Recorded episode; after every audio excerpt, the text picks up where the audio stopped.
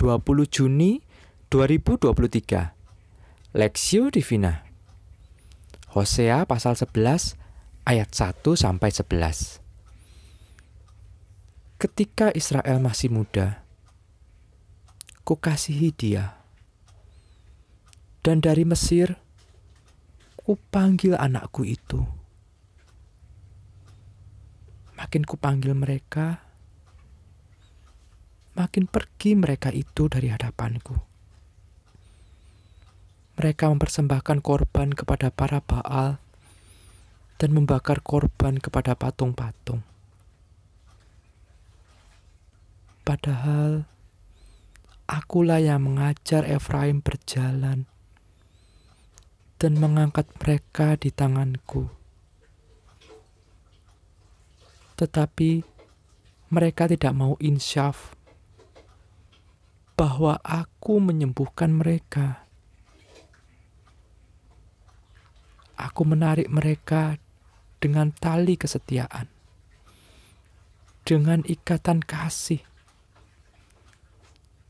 Bagi mereka, aku seperti orang yang mengangkat kuk dari tulang rahang mereka.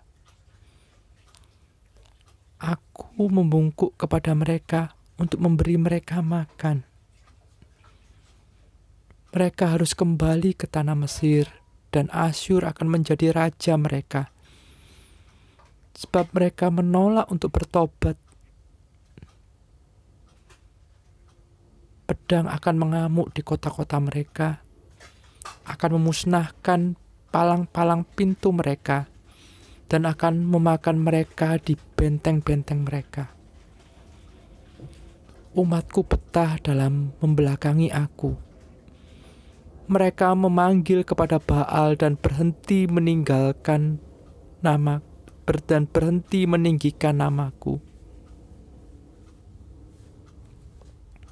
Masakan aku membiarkan engkau, hei Efraim, menyerahkan engkau, hei Israel? Masakan aku membiarkan engkau seperti Atma, membuat engkau seperti Zeboim, hatiku berbalik dalam diriku. Belas kasihanku bangkit serentak.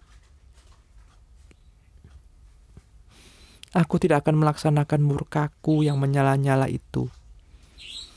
Tidak akan membinasakan Efraim kembali. Sebab aku ini Allah dan bukan manusia. Yang kudus di tengah-tengahmu. Dan aku tidak datang untuk menghanguskan. Mereka akan mengikuti Tuhan. Ia akan mengaum seperti singa. Sungguh, ia akan mengaum, maka anak-anak akan datang dengan gemetar dari barat. Seperti burung dengan gemetar datang dari Mesir, dan seperti merpati dari tanah Asyur. Lalu aku akan menempatkan mereka lagi di rumah-rumah mereka. Demikianlah firman Tuhan.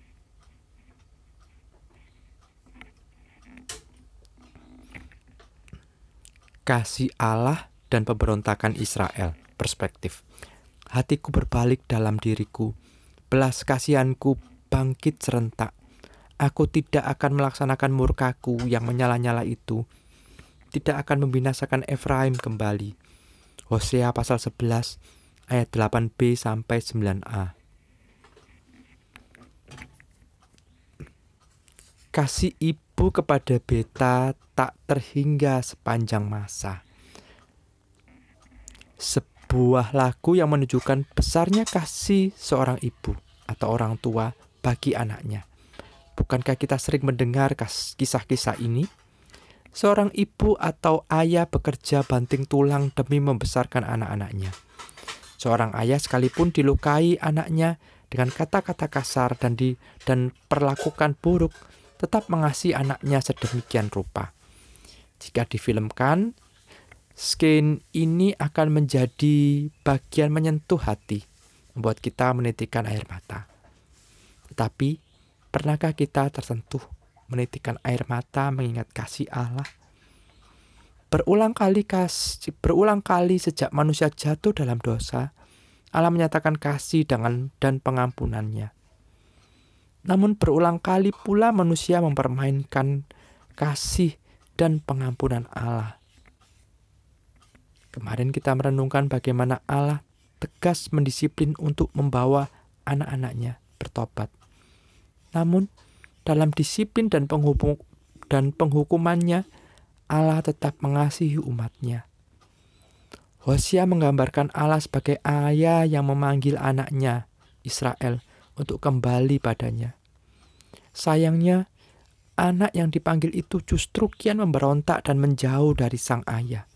Ayat 1 sampai 2. Kasih setia Allah tidak pernah berhenti. Di saat manusia terus jatuh, Allah setia mengajar, mengangkat, dan memulihkan umatnya. Ayat 3. Allah berulang kali menyatakan kasih dan anugerahnya, menuntun umatnya dengan kasih, dan bahkan membungkuk untuk memberi makan kepada umatnya. Ayat 4. Dan apa respons umatnya? Tetap menjauh dan memberontak terhadapnya. Tetapi Allah tidak pernah menyerah Allah tetap menyatakan kasih dan pengampunannya agar umatnya mau berbalik kepadanya. Dengan kasihnya, Allah terus memberikan kesempatan seperti seorang ayah yang menantikan anaknya kembali kepadanya. Bandingkan Lukas ayat 15 ayat 11 sampai 32. Demikian pula Allah terhadap kita. Berulang kali kita meninggalkan Dia Berulang kali pula Allah menanti dan mengasihi kita. Berulang kali kita memberontak dan menyakitinya. Berulang kali pula ia mengampuni dan memberi kesempatan kita kembali. Sampai kapan kita mau menyakiti dan memberontak dia? Kembalilah kepada Allah yang setia mengasihi kita. Studi pribadi, bagaimana respons Anda atas kasih setia Allah? Semakin menjauh atau sungguh kasih Allah menyentuh relung hati Anda dan Anda semakin dekat kepadanya? Pokok doa, berdoalah agar Tuhan menolong kita untuk dapat sungguh-sungguh menghayati kasih setia Allah dalam kehidupan kita. Berdoalah agar Tuhan menolong kita untuk tidak mempermainkan kasih Allah.